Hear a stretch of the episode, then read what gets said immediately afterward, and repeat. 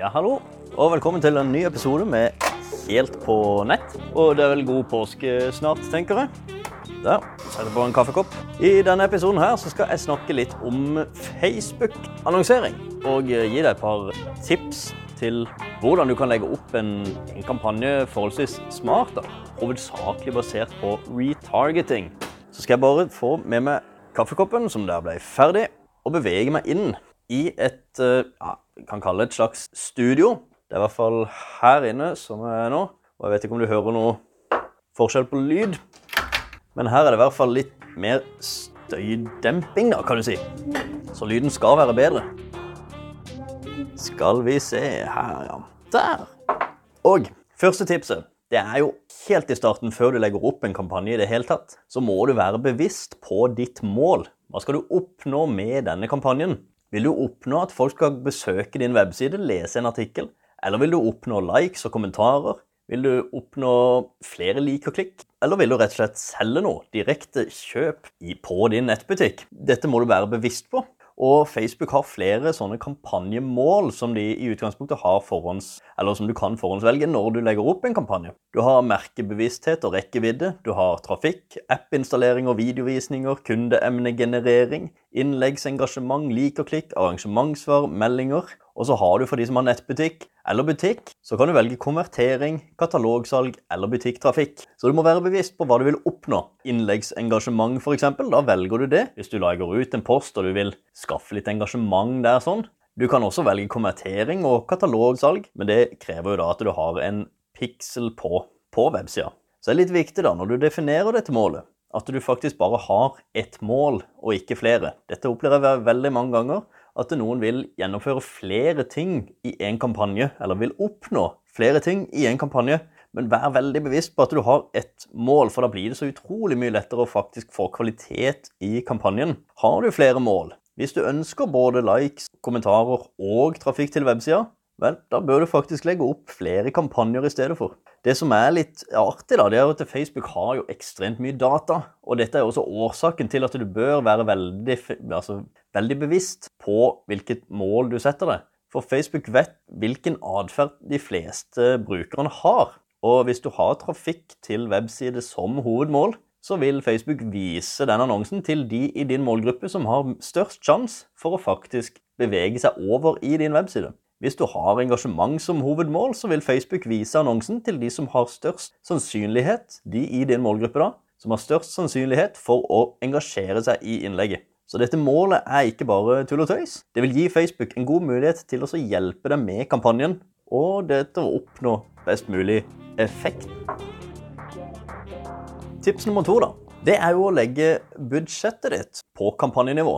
Akkurat nå så kan du velge å legge det på kampanjenivå eller på annonsesettnivå, men snart så må du legge det på kampanjenivå, og det er bra.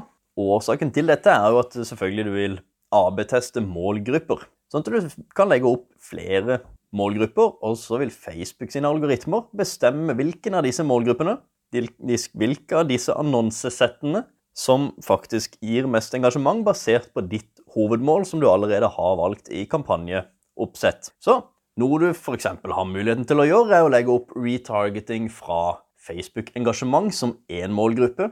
Så har du målgruppe nummer to, som da er retargeting fra webside. Dette krever jo at du har en pixel. Og så har du målgruppe nummer tre, som er retargeting fra Instagram-engasjement. Da har du tre målgrupper som du AB-tester, og så ser hvilken av disse tre som faktisk konverterer mest, basert på hva du ønsker å oppnå. Et annet eksempel er at du kan ha retargeting på mobil, annonser som du kun viser til mobilenheter. Og så kan du ha retargeting på PC, hvor du kun viser annonser til PC-brukere. Så kan du se, da.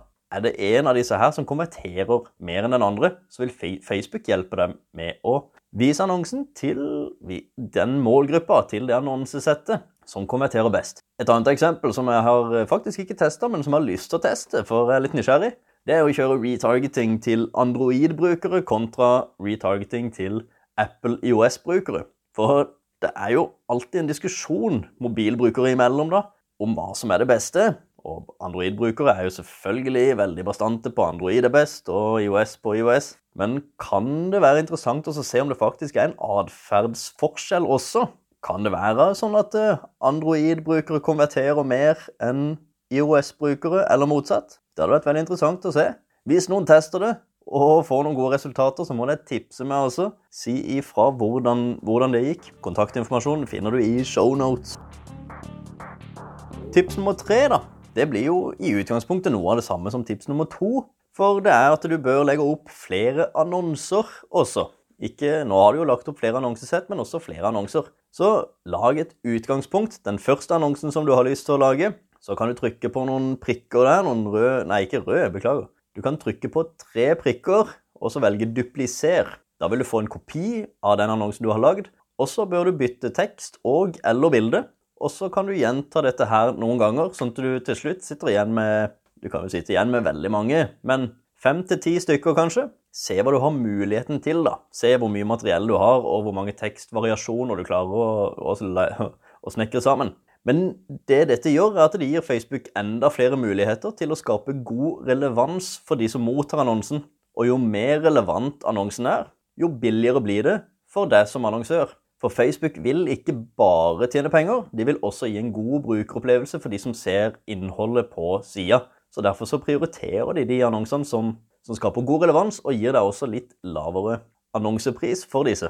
Så vil jeg anbefale da at du lar annonsene gå lite grann. Ikke sitt og følg med i løpet av en time og så slå av annonsen fordi det ikke har gitt noe effekt. La det gå en tid, la det gå en stund. Og så kan du heller starte med litt lav dagsum, da. Litt lavt budsjett til å begynne med. Mellom 30 til 100 kroner. Nå må du se hva du har av budsjett. Men start heller litt lavt, og la det gå litt. Det du må gjøre, du må se på her, dette annonsesettet, denne kampanjen, se på dette her som en selger som jobber for deg. Han lærer litt mer for hvert salg, eller for hver jobb som blir gjort, og så blir han bedre med tida. Ikke gi han sparken med en gang. La det heller gå litt, la han lære litt, la algoritmene jobbe for deg. Og hvis du ser på det som en ansatt i din bedrift, så er det forholdsvis billig daglønn, for å si det sånn. Så det er verdt å investere litt tid i det. Det er min påstand. Du må jo selvfølgelig gjøre opp eh, dine egne erfaringer. Og så vil jeg veldig gjerne høre dine erfaringer. Så når du får kjørt noen kampanjer, eller hvis du allerede har gjort det, så er det veldig gøy med noen innspill. Du har helt sikkert noen betraktninger og noen alternative gode løsninger i forhold til hva jeg har snakka om i dag. Og det er super, supermoro å høre noen av disse her. Du kan jo ta kontakt på christian.hyggehygge.no eller hei.christianthomassen.no. All denne her informasjonen finner du i shownotes på episoden og på podkastinformasjonen. Tusen takk for nå, og god påske. Nå tar jeg faktisk litt ferie, så det vil nok trolig være to uker, kanskje, til du hører fra meg igjen. Hvis ikke det skjer noe veldig spesielt. Men jeg er ikke så tilgjengelig for oss å spille inn episode, dessverre, de neste par uker. Tusen takk for nå, så høres vi jo igjen på et eh, seinere tidspunkt. Ha det bra.